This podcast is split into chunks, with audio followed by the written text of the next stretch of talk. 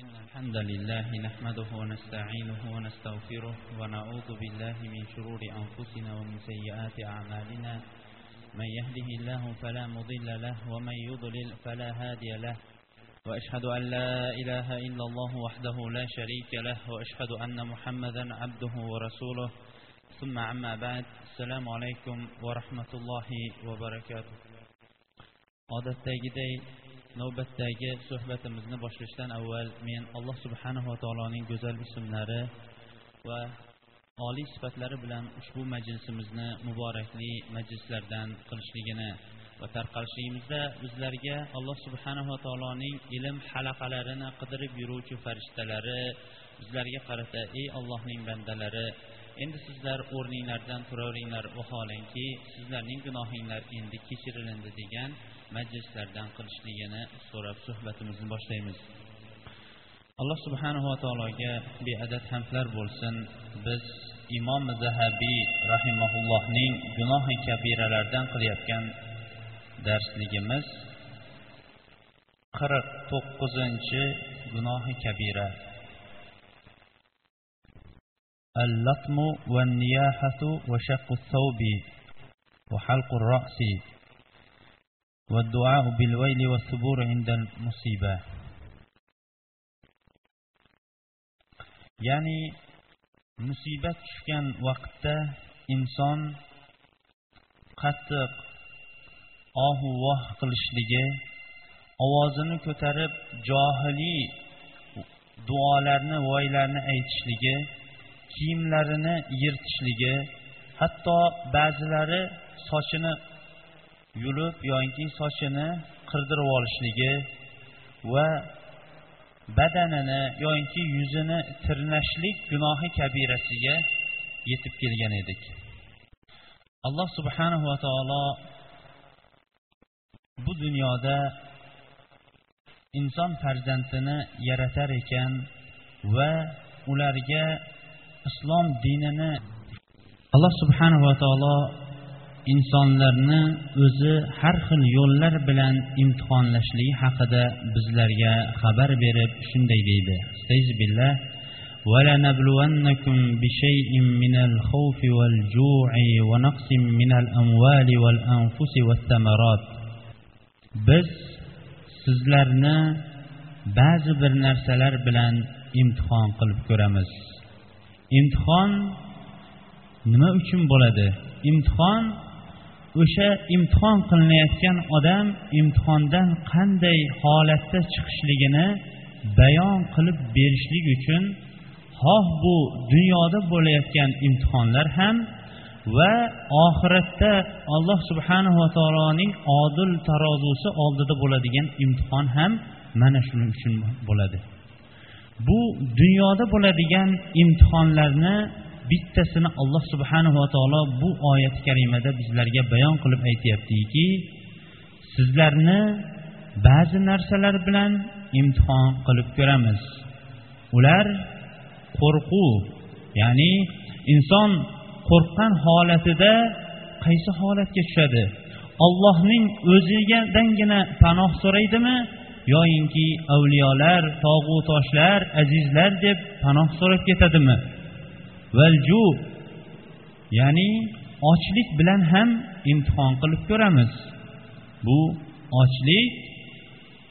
Agarchi ochlik lafzi ishlatilsa ham lekin har bir zamonda o'zining yangi yangi istirohlari atamalari chiqadi. Bizni vaqtda ochlik ham va ham bankrot desak ham bo'laversa kerak. Mollardagi ba'zi bir narsalarni noqis qilib qo'yishlik bilan xoh bu mevalarda bo'lsin vaholanki mevalar yana keladi yoyinki oldi sotdida bankrotga uchrashlik bo'lsin vaholanki mana shunday hayvonlarda bo'lsin mana shu o'rinlarda noqis qilib qo'yib ba'zilarini kasalmand ba'zilarini o'ltirib qo'yishlik bilan imtihon qilamiz. Va anfus. Kasallik bilan nafslarni insonlarni kasal bo'lishligi bilan qarib qolishligi bilan o'ltirib qo'yishligi bilan yoyinki alloh subhanava taoloning yuborgan ajali bilan o'lishligi bilan imtihon qilib ko'ramiz. Va samarot mevalarda ham biz imtihon qilib ko'ramiz deyapti insonlarni. Ya'ni ba'zan quruqchilik bo'lib ba'zan mevalarga ofatlar kelib ofatlarning turli xoh shamol bo'lsin xoh boshqa kasalliklar sababli insonlarni bunday imtihonlar bilan imtihonlab ko'ramiz.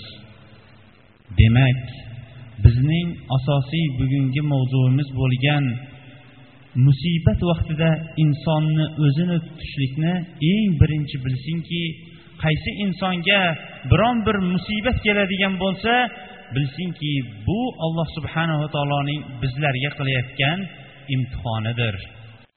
Lekin bu imtihonda insonlar har xil holatda bo'ladi. Xuddi dunyoviy imtihonlarda ham insonlar ba'zilari oliy baholarga ba'zilari o'rtacha ba'zilari esa amallab o'tib olganga o'xshash ba'zilari yiqilganiga o'xshash mana bu imtihonda insonlar har xil bo'lishligini alloh subhanava taolo bilib imtihondan oliy baholar bilan chiqadiganlarni maqtab turib shunday deydi الذين إذا أصابتهم مصيبة قالوا إنا لله وإنا إليه راجعون mana bunday ibtilolar imtihonlar kelgan vaqtda sabr qilguvchilarni sabr qilguvchilarga bashoratlar bering. Ularning sabr qilishligi nimadan edi?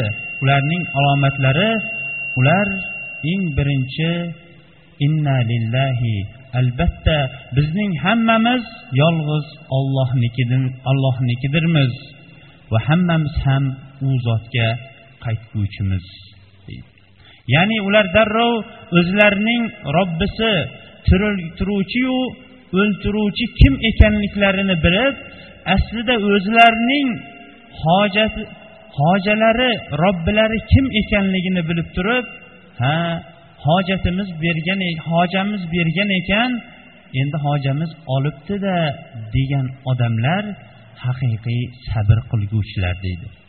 Imom muslim oysha onamizdan rivoyat qilgan hadisda an aysha roziyallohu anha anna rasululloh sollallohu alayhi vasallam qol ما من مصيبة يصاب بها المؤمن إلا كفر الله بها عنه حتى الشوكة يشاكها bu hadisda payg'ambar sollallohu alayhi vasallam aytdilarki mo'min kishiga yetgan musibatlarning hammasida alloh subhanava taolo uning gunohlarini kafforat qiladi qachon qachon sabr qiladigan bo'lsa hatto kirgan ignada ham o'sha cho'pakdan bo'ladigan ignada ham yoki boshqa narsadan tikon kirsa ham o'sha tikoni sababli ham alloh subhanava taolo uning gunohlarini kechiradi dedilar imom buxoriy rivoyat qilgan hadisda an rasululloh sollallohu alayhi vasallam qol yaqululloh taala ما لعبدي عندي جزاء إذا قبضت صفيته من أهل الدنيا ثم احتسب إلا الجنة alloh subhanava taolo aytadiki deydi rasululloh sollallohu alayhi vasallam qaysi bir bandamni agar biron bir musibat bilan musibatlantiradigan bo'lsam keyin u o'sha musibatga sabr qilib bir sabrning o'zi emas balki ehtisob alloh subhanava taolodan o'sha sabri orqasidan ajr va savobni umid qiladigan bo'lsa uni jannat bilan mukofotlayman deydi. Inson oldida musibat bo'lgan vaqtda ikkita holat bo'ladi. Birinchi holati mana alloh subhanava taolo maqtaganlarning holati. Ular sabr qilishadi va hojalariga qaytishadi. Undan ajr va savobni umid qilishadi. Ikkinchi holat alloh subhanava taoloning taqdiriga rozi bo'lishmaydi. Hatto shunday vaqtlar o'tgan ekan ba'zilari qo'llariga hassani ushlashib olib bellariga mahkam tugun tugib olishib allohning go'yoki taqdiriga rozi bo'lmay o'tiradiganlar ham bo'lishgan ekan. Ba'zi bir bizga qo'shni bo'lgan davlatlarning ba'zi birlarining o'rinlarida hatto shu vaqtgacha bu odatlar qolganligini xabarini bizlarga berishadi. Bu albatta alloh subhanava taolo yomon ko'radigan va islomda qoralangan amallarning bittasidir. Musibat yetgan vaqtda payg'ambarimiz sollallohu alayhi vasallam qanday holatda bo'lganlar? Payg'ambarimiz sollallohu alayhi vasallamga xabar keldi deydi.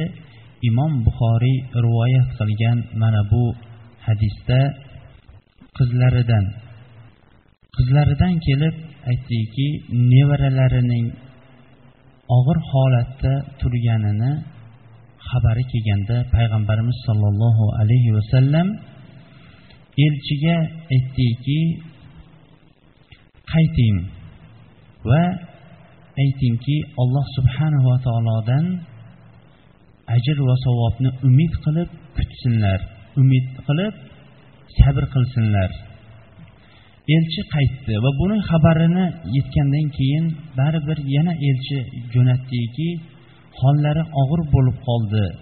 Kelmasangiz bo'lmaydi degan elchi kelgandan keyin payg'ambarimiz sollallohu alayhi vasallam o'rinlaridan turib qizlarining xonadoni tomon yurdilar. Biz ham ergashdik deydi. Bu majlisda o'tirganlar nihoyatda katta sahobalardan iborat edi. Keyin payg'ambarimiz sollallohu alayhi vasallam xonadonga kirdi va nevaralarini qo'llariga oldi. Nevaralari nihoyatda og'ir va oxirgi nafaslarini olib turar edi. Payg'ambarimiz sollallohu alayhi vasallam alloh subhanahu va taolo xabar bermoqchi biz sizni faqat olamga rahmat qilibgina jo'natdik. Demoqchi haqiqatdan ham rahmdillarning ustozi edi payg'ambarimiz sallallohu alayhi vasallam. Ko'zlari yoshlandi. Ko'zlaridan yosh oqqanini ko'rib atrofda turgan sahobalar ajablanishib hali siz ham shunday qilasizmi yo rasululloh? deganda aytdilarki ha bu rahmat yoshlari dedi. Keyingi rivoyatida esa bu rahmat yoshlaridir deb keladi. Demak ta'ziya vaqtida insonniki og'ir va qattiq ovozlarni chiqarmasdan va tepada zikr qilib o'tgandaqa kiyimlarini yirtmasdan yuzini va badanini tirnamasdan xotirjam holatda bu ta'ziya bo'layotgan odamdan ajralayotganligi uchun qalbi xafa bo'lganidan yig'lashligi bu joiz bo'lgan amallarning bittasidir. Ta'ziya vaqtida ta'ziya qiluvchi odamlarga ham payg'ambarimiz sollallohu alayhi vasallam ta'ziya qilinadigan ya'ni kalimalarni o'rgatgan. Ta'ziya degani nima? Ta'ziya degani o'sha mayit chiqqan xonadonning yaqinlari bu mayitning chiqqanligi sabablik qalblari g'amgin bo'lib qolganligiga tasalli berib qo'yishlik. Ularni sabrga chaqirib o'sha qiyinchiligini qalbidagi g'amginlikni ketkazishlikka harakat qilishligidir.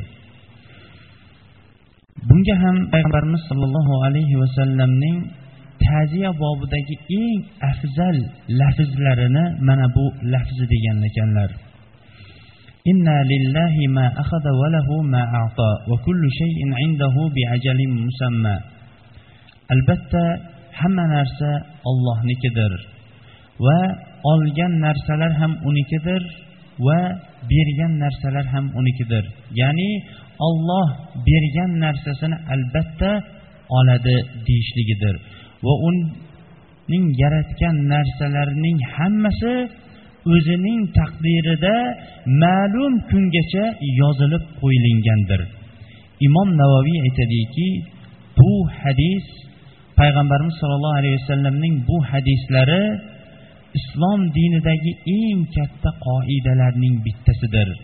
Chunki bu hadis eng chiroyli lafz bilan ta'ziya bildirishlikdir dedi bizning diyorlarimizda ta'ziya bildirgan vaqtida olloh iymonini salomat qilsin deganligi vallohu alam. Payg'ambarimiz sollallohu alayhi vasallamning muttafaqun alayh bo'lgan hadisida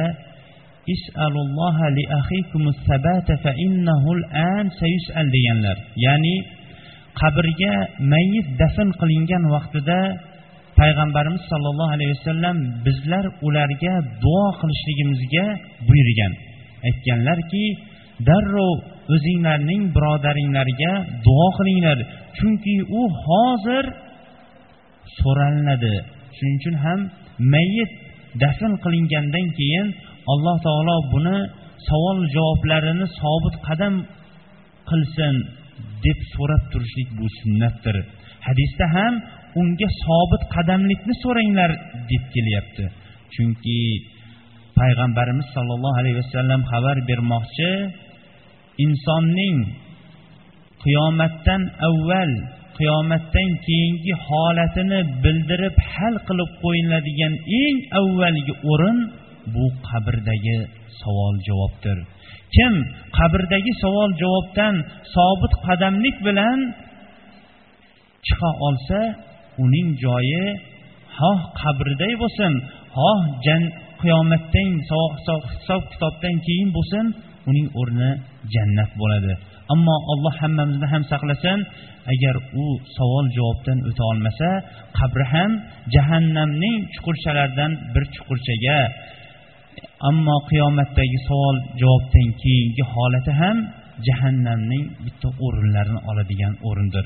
Shuning uchun ham bo'lsa kerak bu bizni yurtlarda iymonini salomat qilsin deyishlikdan murod agar o'sha savol javobini yengil va sobit tursinni qasd qiladigan bo'lsa bu xalqimizda yurgan lafzlarning bittasi bo'ladi. Ammo hadisdagi lafziga qaytadigan bo'lsak alloh subhanava taolo savol javoblarda sobit qilib tursin desak hadisdagi lafziga yaqinroq bo'lgan bo'lar edi. Demak musibat yetgan vaqtida insonlar eng birinchi qiladigan amallari sabr qilib turishliklaridir. Buni ba'zi bir ulamolar aytgan ekanki johil kishi olim kishi musibat yetgan vaqtida johil kishi besh kun keyin qiladigan amalni birinchi kuni qilib qo'yadi degan ekan. Ya'ni har qanaqa insonga musibat yetgan vaqtida u qattiq g'am tashvishga tushadi. Besh kundan keyin albatta bu g'am tashvishi ancha tarqalib qoladi. Lekin oqil kishilar bu o'sha besh kun keyin qilgan amalni birinchi kunidagina qilib qo'yar ekan. Payg'ambarimiz sollallohu alayhi vasallam as-sabru inda sadmatil ula dedilar. Sabr musibat kelgan vaqtidagi ayni musibat yetgan vaqtidagi sabr bu haqiqiy sabr dedi. Insonlarning ko'pchiligi ha sabr qila olaman deyishligi mumkin.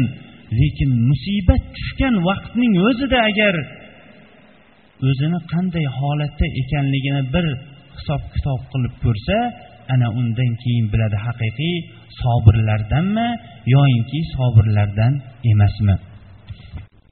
Sahobalar musibat yetgan vaqtida qanday amal qilishgan? Imom muslim rivoyat qilgan mana bu asarda aytadiki mata li abi salhata min ummi sulaym. Mata ibn li abi salhata min ummi sulaym. Abi salhaniki ummu sulaymdan bo'lgan farzandlarining bittasi vafot etdi. Bu sahobalar hayotida bo'lgan bu amalni aytib berishligimiz bizning onalarimiz uchun ham nihoyatda katta bir dars bo'lishligi kerak. Nima uchun? Chunki erkaklarga nisbatan ayollar zaifroq bo'lishadi. Ular musibat kelgan vaqtida sabrni erkaklarga o'xshash qila olmaydi. Shuning uchun ham islom ta'ziyani modomiki o'zining eri bo'lmaydigan bo'lsa ayollarga uch kungina ta'ziya qilishlikka ruxsat bergan. Erkaklarga esa ta'ziyaga ruxsat bergan emas. Ya'ni bu yerdagi ta'ziya musibatni yetkazishdan murod o'ziga zebu ziynat bermay turishlik. Modomiki biron bir ayolning akasi ukasi amakisi vafot etadigan bo'lsa uch kungacha bu ayolga ta'ziya qilib turishiga ruxsat modomiki erkagi ayol e, eri bo'lmaydigan bo'lsa vafot etgan mayit bu sahobiya ayolning bu amali hamma onalarimizga ham bo'lib ham ta'ziya vaqtida o'ziga sabr qila olmaydigan onalarimiz uchun nihoyatda qattiq katta bir dars bo'lishi kerak. Aytadiki ummu sulaymning farzandi vafot etdi. Uydagilarga aytdiki aba talha agar kelib qoladigan bo'lsa ya'ni o'zlarining erlari kelib qoladigan bo'lsa buni hech kim aytib qo'ymasin o'zim aytaman hech kim gapirmasin uyda bu haqida dedi. Abu talha keldi. Kechqurun kelganligini kechki ovqatni taqdim qilganligini bildiradi. Kechki ovqatni xuddi hech narsa bo'lmaganday olib keldi. Birga yedilar va ichdilar. So'ngra kechqurun alohida yotadigan o'rinlarga borganda o'zini uning oldida ziynatladi va erkak kishi ayol kishining oldida qanday bo'ladigan bo'lsa o'shanaqa oddiy holatda bo'lib turib ular hatto qo'shilishdi ham. Qarang bu ertak kitoblarda yozilib qolingan bir uzoq bir hayolga kelmaydigan voqea emas. Bu sizu bizga madrasalarning domlasi bo'la oladigan sahobiya erkak va ayollarning haqiqiy tarix voqeasi. Farzandi bo'lib ham ayol kishining bu kishining farzandi o'lib qoldiyu vafot etdiyu lekin hech narsa bo'lmaganiday erkagiga bu yaxshilik qilishlik edi bu ayolniki. Husnu jamolini to'g'irlab hattoki bular bir birlariga yaqinlik qilishdi deydi. So'ngra o'zining kuyovining ovqat va sharobdan ham ko'ngli xotirjam bo'lganligini ana undan keyin shahvoniy nafsidan ham ko'ngli xotirjam bo'lganligini ayol ummu sulaym bilgach aytdiki ey abu talha agar siz bir kishilardan omonat olgan bo'lsangiz o'sha omonatingizni ular omonsiz olgan omonatni qaytarib berishlikni agar ular so'raganda siz qaytarmay berib qaytarmay turib olarmidingiz ya'ni bermay turib olarmidingiz deganda yo'q e qaytarib berardim dedi. Shunda ummu sulaym aytdiki fahtasib ibnak. Endi alloh subhanava taolodan ajr va savobni umid qilavering. O'g'lingiz vafot etdi dedi. Subhanalloh. Aytadiki roviy abu talha. Abu talhaning g'azabi chiqib ketdi. Aytdiki hatto shu holatgacha menga aytmay turdingmi hali? Hatto shu holatgacha sabr qilib turdingmi? dedi.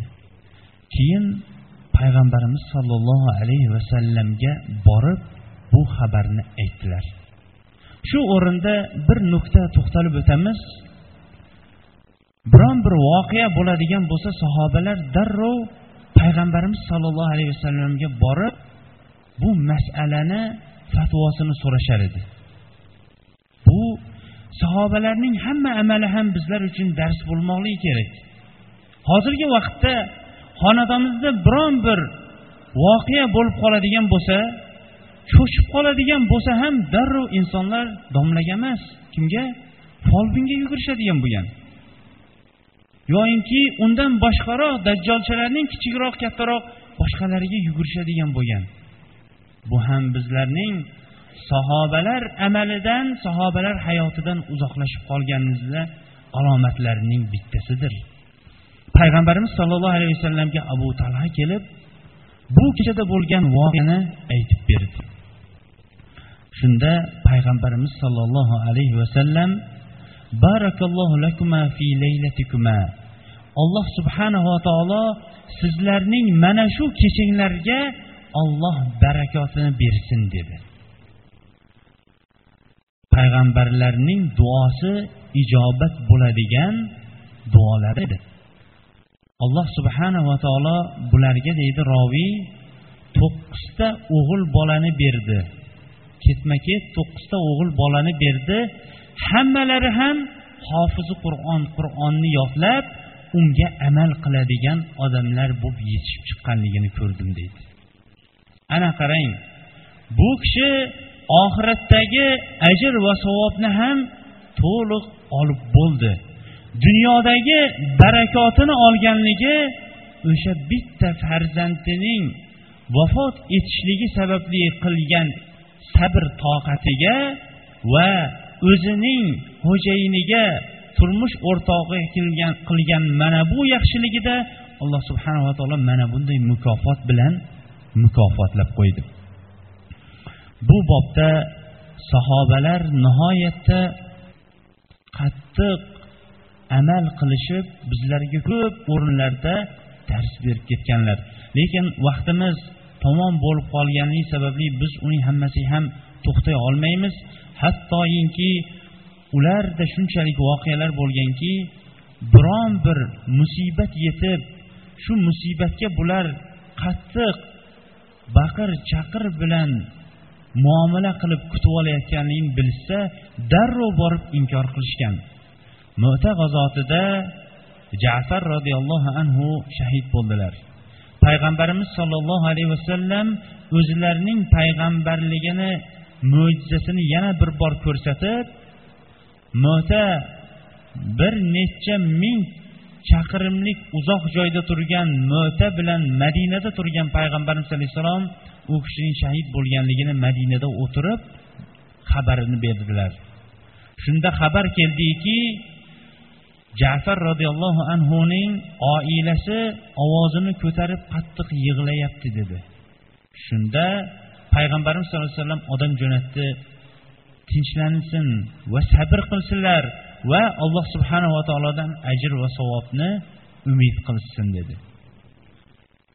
Xabar yana keldiki ular shu holatcha bo'lyapti deganda uchinchi martasida aytdiki og'izlariga tuproq sochinglar dedi. Mana shunchalik payg'ambarimiz sallallohu alayhi vasallam musibat vaqtida qattiq bu amallarni qilayotganini qaytargandan keyin qilgan sahobalar ham bunday amallarga rozi bo'lmaydigan sahobalar yetishib chiqishdi. Inshaalloh xutbada ba'zi bir payg'ambarimiz aytgan vaidlarni bayon qilib beramiz. Assalomu alaykum. Domla chelakdagi suvga chivin yoki undan kattaroq qurmut qursiqa tushib ketsa shu suvga tahorat olsa bo'ladimi? Avvalambor va alaykum assalom va rahmatullohi barakat. Agar chelakdagi suvga chivin tushib ketadigan bo'lsa payg'ambarimiz sollallohu alayhi vasallam xabar bermoqchi chivinning ikkov qanotini ham ya'ni bir to'liq botirib olib chivin olib tashlanib bemalol keyin foydalanilaveradi payg'ambarimiz aytganki chivinning bir qanotida dard bo'lsa ikkinchi qanotida o'sha dardga kesib yuboruvchi davosi bor. Agar birontangizning idishingizga chivin tushib qoladigan bo'lsa uni to'liq suvga botirib olib keyin iste'mol qilaversin degan bu mo'jizaviy hadislarini bugungi kunda aslihalarni eng rivojlangan fan ham buni endi isbotlab kelyapti boshqa qurqinchlar modomiki shunga o'xshash qonun bo'lmagan mayda qumursqalar bo'ladigan bo'lsa bu u kishining tahorat olishligiga zarar bermaydigan suvlarning bittasiga aylanadi. Bu yerda bizdan duo so'rabdi. Sunnatullohning sog'lig'i uchun duo qilib qo'ying deb e, bizga avval ham uchragandi. Ko'p tug'ilgandan buyon ancha bu ukamiz e, dardmand ekanlar. Ajab emaski bu jamoatimizda qo'llarini ochib duo qilsa alloh subhanava taolo qo'lini quruq qaytaradigan qaytarishlikdan hayo qiladigan odamlar bo'lishligi mumkin shuning uchun ham ixlos bilan hammamiz ham duo qilib so'raylikki alhamdulillahi robbil alamin الرحمن الرحيم مالك يوم الدين والصلاة والسلام على نبينا محمد وعلى آله وصحبه أجمعين. اللهم تقبل منا إنك أنت السميع العليم وتب علينا إنك أنت التواب الرحيم. اللهم أرنا الحق حقا وارزقنا اتباعه وأرنا الباطل باطلا وارزقنا اجتنابه. اللهم اشف مرضانا ومرضى المسلمين اللهم اشف مرضانا ومرضى المسلمين اللهم اشف مرضانا ومرضى المسلمين اللهم اشف مرضانا ومرضى المسلمين اللهم اشف مرضانا ومرضى المسلمين alloh subhanava taolo hammamizni ham qalblarimizdagi nifoq shirk bid'at xurofotlardan bo'lgan haqiqiy illatlardan alloh subhanava taolo o'zi shifo berib poklasin alloh subhanava taolo bemorlarimizga o'zi shifo bersin ey robbim dard berguvchi o'zingsan Dardning davosini ham bergin. Ey robbim agar biz sog'lig'i sog' bo'lib turib seni taniy olmayotgan bo'lsak dardman bo'lgan vaqtimizda seni taniydiganlardan qil. Dardman bo'lib ham seni taniy olmayotgan bo'lsak sog'lig'imizda seni taniydiganlardan qil.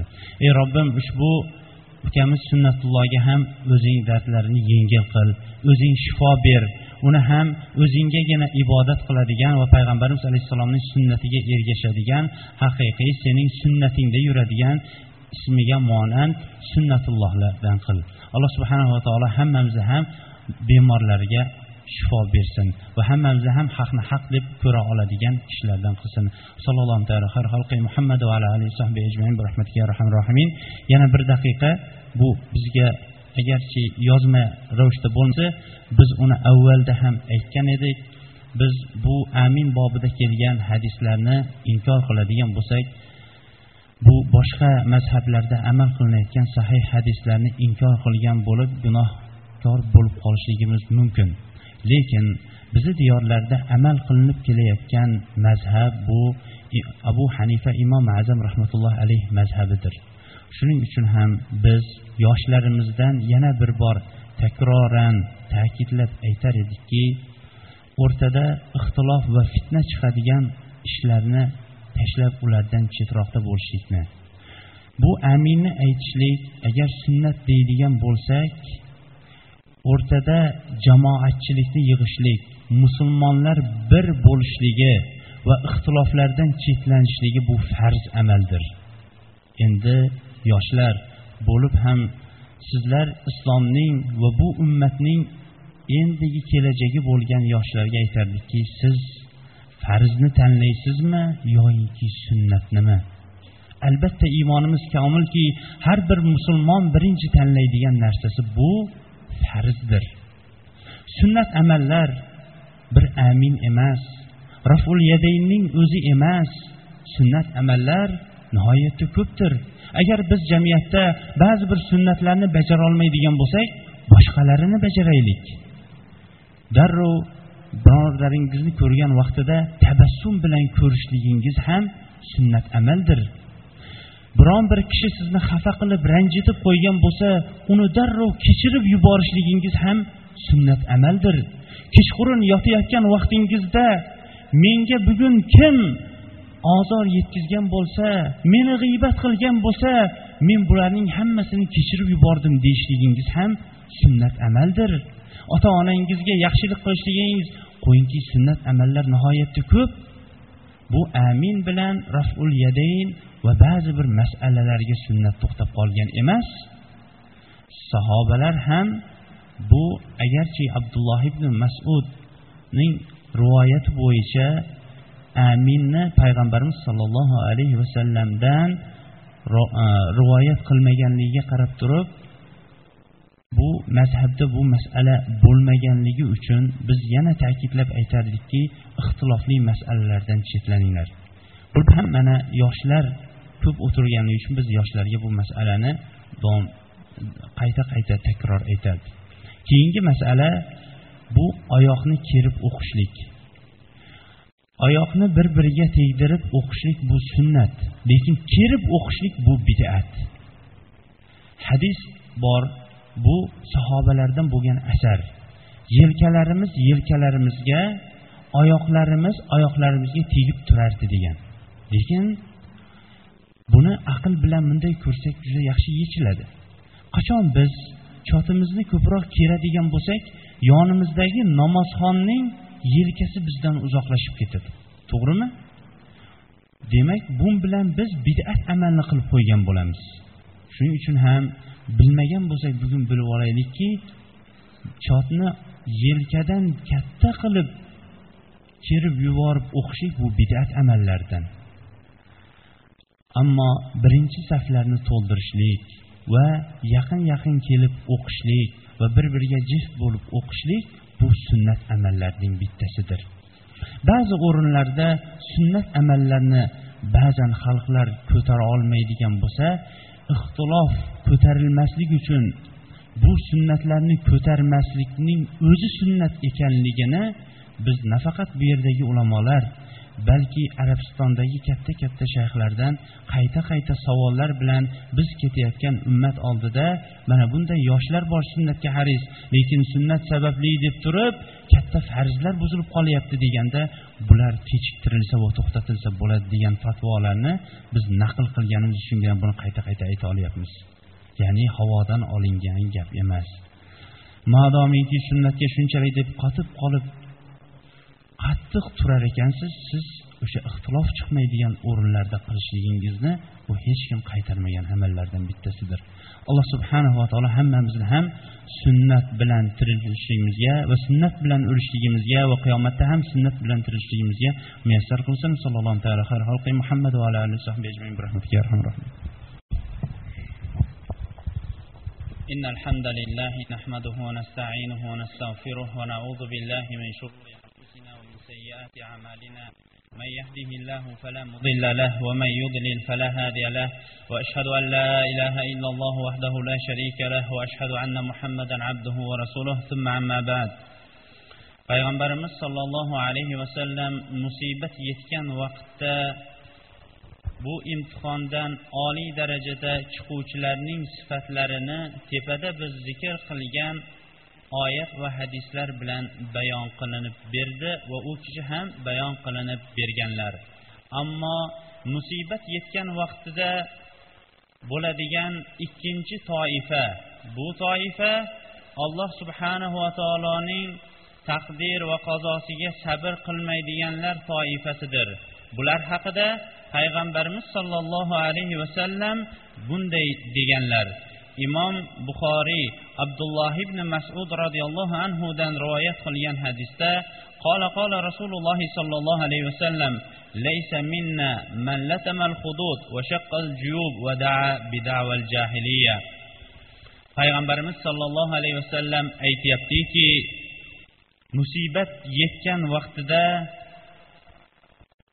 o'zining yuzlarini tirnagan va kiyimlarini yirtgan va johiliy davo duolar bilan ya'ni vo jigarim vo kuyganim deb duo qilishlik yoyinki alloh subhanahu va taoloning roziligini olib kelmaydigan johiliy duolar bilan duo qilishlik bu bizdan emas dedilar.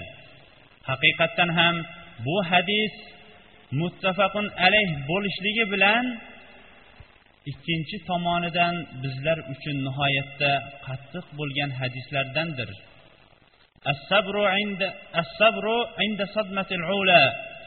Haqiqiy sabr birinchi musibat yetgan vaqtda dedi.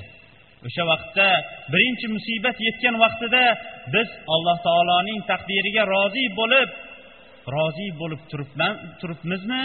Yoyinki payg'ambarimiz sollallohu alayhi vasallam aytmoqchi bizdan maslar bizdan maslar bizdan maslar deyishligi nima bu? Bu bu ummatdan emas yoyinki bu ummatning amalidan emas deyishligidir. Hammamiz ham musibat yetmagan vaqtida agar so'raladigan bo'lsak ha alhamdulillah mo'minman alhamdulillah musulmonman alhamdulillah men ollohni va uning rasulini sollallohu alayhi vasallam yaxshi ko'rishlik ko'raman deb davo qilamiz. Lekin mana bu amallar bo'lib qolgan musibat yetib qolgan vaqtda ham haqiqatdan payg'ambarimiz alayhissalomniki bizdan emas degan amallari vaqtida o'sha amalni qila olamizmi? Payg'ambarimiz sollallohu alayhi vasallam yana muttafaqun alayh bo'lgan hadisda an abi musa al ashari roziyallohu anhu anna rasululloh sollallohu alayhi vasallam bari'a minas saliqati wal haliqati wash shaqqa abu musa al ashariy roziyallohu anhu aytyaptiki payg'ambarimiz sollallohu alayhi vasallam uch toifa kishidan o'zini pokladilar. Ya'ni men ulardan pokman dedilar. Birinchisi musibat yetgan vaqtida ovozini ko'tarib ohu voh soladiganlar. Ikkinchisi esa musibat yetgan vaqtida sochini qirdirib oladigan yoinki soch soqolini yuladigan odamlar. Uchinchisi esa musibat yetgan vaqtida kiyimini yirtadigan odamlar dedi. Ummu atiya roziyallohu anha aytadiki payg'ambarimiz sollallohu alayhi vasallam bizdan bay'at ya'ni ahdu paymon olayotgan vaqtda ovozimizni ko'tarib ohu voh solishlikdan qaytardilar deyapti. Ummu atiya kim edi? Bu sahobiya ayollar edi. Ayollarimizga ham bu ahd edi. Chunki ularning olgan o'sha vaqtdagi ahdu paymoni muhammad alayhissalomning ummati bo'lgan oxiratgacha bo'lgan ummatining har bir shaxsiga taalluqli bo'lgan amallarning bittasi edi. Onalarimiz ham ayollarimiz ham bu hadislarni eshitib musibat kelgan vaqtida nihoyatda ibratlanib bu hadislar bilan amal qilishlari yaxshi edi. Ammo unga amal qilmay ohu voh solib musibatlanishlikni payg'ambarimiz sollallohu alayhi vasallam الميت يعذب, يعذب في قبره بما نيح إليه أو نوح إليه dedi ya'ni bu hadis ham muttafaqun alayh bo'lgan hadis mayyit qabrida o'ziga qilinayotgan ohu voh va qattiq hayqirig'u qo'yingki tepada zikr qilingan amallarning hammasi bilan azoblanadi dedi demak birinchidan shariatimizga xilof bo'lgan amal bo'ladigan bo'lsa ikkinchidan payg'ambarimiz alayhissalomning amallaridan bo'lmaydigan bo'lsa uchinchidan o'zi yaxshi ko'rayotgan o'sha mayyitini qabrda azoblanishidir. Kim endi? Otamga yo onam yoki o'sha mayyiti qaysi bir yaqini bo'lishligidan qat'iy nazar hayotda ko'p yomonliklarni u kishiga qildim. Endi qabrda ham u kishini tinch qo'ymay deydigan bo'lsa vafot etganidan keyin boyagi vo jigarim vo o'pkam vo paloncham deb boqirishlik baqirib turib qilgan ta'ziyalarini endi qilaversin. Ammo payg'ambarimiz sollallohu alayhi vasallam o'rgatgan amal mayyit ning xabari kelgan vaqtida darrov istirjo ya'ni inna lillahi va inna ilayhi rojiun deb turib sabr qilib turishlik dafn qilingandan keyin esa darrov qo'l ochib duo sobit qadam qilishlikni duo qilishlikdir. Darhaqiqat biz bilib bilmasdan bu amallarning ko'pchiligini qilib qo'ydik. Mana bu buyuk soatlarning bittasida bunday muborakli ollohning uylarining bittasida bu amallarimizda tavba qilib alloh subhanava taolo gunohlarimizni kechirishligi uchun istig'forlar so'raylik.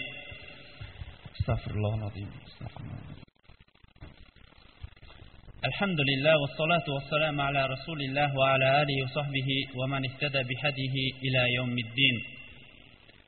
Mayitga biz sababli boradigan naflar va biz sababli boradigan zararlarni payg'ambarimiz sollallohu alayhi vasallam xabarini berdilar. Darhaqiqat bu xabarlar edi.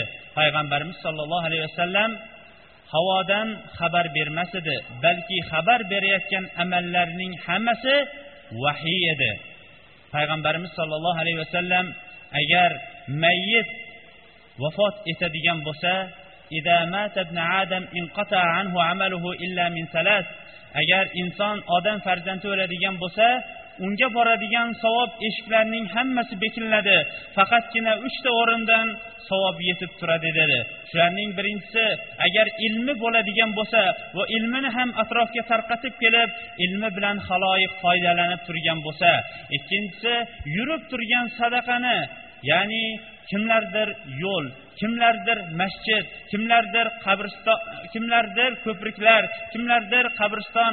Qo'yingki mana bunday musulmonlar foydalanib turadigan sadaqalarni yurib turgan sadaqani tashlab ketgan bo'lsa uchinchisi solih farzand uning orqasidan duo qiladigan solih farzand tashlab ketgan bo'lsa dedilar. Ana endi biz o'zimizga o'zimiz bir savol berib ko'raylik. Biz o'zimizning oilamizdan xoh yaqinlarimizdan o'tganlar uchun muhaddislar aytmoqchi solih farzand besh vaqt namozida ota onasiga yoki yaqinlariga duo qiladigan farzand deganlar biz ota onamizga yoki yaqinlarimizga duo qila oladigan solih farzand bo'la olyapmizmi? Ba'zi bir musibat yetgan vaqtida ko'p ohu voh chekkan yigitlarni ko'rgan vaqtimizda bir ikki kun o'tgandan keyin o'sha yigitni chaqirib olib siz ota onangizni ko'p yaxshi ko'rardingiz shundaymi? desak ha shunday edi. Agarchi molu davlatingiz joningizni berib bo'lsa ham ota onangizni olib qolishlikka tayyor edingiz shunday emasmi? desak albatta shunday uning ham ziyodasi deganda unday bo'lsa endi sizning ularga beradigan manfaatingiz namozni boshlab turib namozingizda duo qilishligingiz deganda namoz endi hozir bahor bo'lib qoldi hozir ish ko'pu kuzda boshlayman degan javoblarni ham eshitgan kunimiz bo'ldi. Bularning qilayotgan ohu voh dodlari bular quruq haqiqiy emas. Shuning uchun ham biz va siz ham har bir o'sha ohu voh tortayotgan odamlarga ularga endi boradigan haqiqiy manfaat nima ekanligini bayon qilib bering. Ajabmaski sizu biz sababli alloh subhanahu va taolo ko'pchilik ko'chalarda yurgan hali namozu masjidni bilmayotgan birodarlarimizniki hidoyatiga sabab bo'lib qolsak. Darhaqiqat bizlarning ustozimiz va muallimimiz bo'lmoqchi va yo'ldoshimiz yo'ldoshimiz yo'lboshimiz muhammad sollallohu alayhi vasallamga u kishining vafotidan keyin yetadigan amallari u kishiga yetkazadigan amallarimizning savoblarimizning bittasi u kishiga ko'proq salotu salomlar aytishlikdir. Payg'ambarimiz sollallohu alayhi vasallam o'ziga salotu salomlar aytishlikka buyurib juma kunida ko'proq salotu salomlar aytishlikka buyurganlar. Ulamolar aytganki juma kuni qur'on o'qishlikdan ko'ra ko'proq salotu salomlar aytishlik afzaldir chunki bu buyurilingan o'rin deganlar. Shuning uchun ham kelinglar mana bu o'rinda u kishiga ham eslab ko'proq salotu salomlar aytaylik. Allohumma solli ala muhammad va ala ali muhammad محمد كما صليت على إبراهيم وعلى آل إبراهيم إنك حميد مجيد اللهم بارك على محمد وعلى آل محمد كما باركت على إبراهيم وعلى آل إبراهيم إنك حميد مجيد اللهم أعنا على ذكرك وشكرك وحسن عبادتك اللهم أعز الإسلام والمسلمين وأذل الشرك والمشركين اللهم استرنا بسترك الجميل في الدنيا والآخرة اللهم استرنا بسترك الجميل في الدنيا والآخرة اللهم استرنا بسترك الجميل في الدنيا والآخرة اللهم انشر سنتك اللهم انشر سنتك اللهم انشر سنتك. اللهم أرنا الحق حقا وارزقنا اتباعه وأرنا الباطل باطلا وارزقنا اجتنابه. ربنا لا تزغ قلوبنا بعد إذ هديتنا وهب لنا من لدنك رحمة إنك أنت الوهاب. ربنا اغفر لنا ولإخواننا الذين سبقونا بالإيمان ولا تجعل في قلوبنا غلا للذين آمنوا. ربنا إنك رؤوف رحيم. ربنا هب لنا من أزواجنا وذرياتنا قرة اعين واجعلنا للمتقين إماما. صلى الله تعالى خير خلق محمد وعلى آله وصحبه أجمعين برحمتك يا أرحم الراحمين.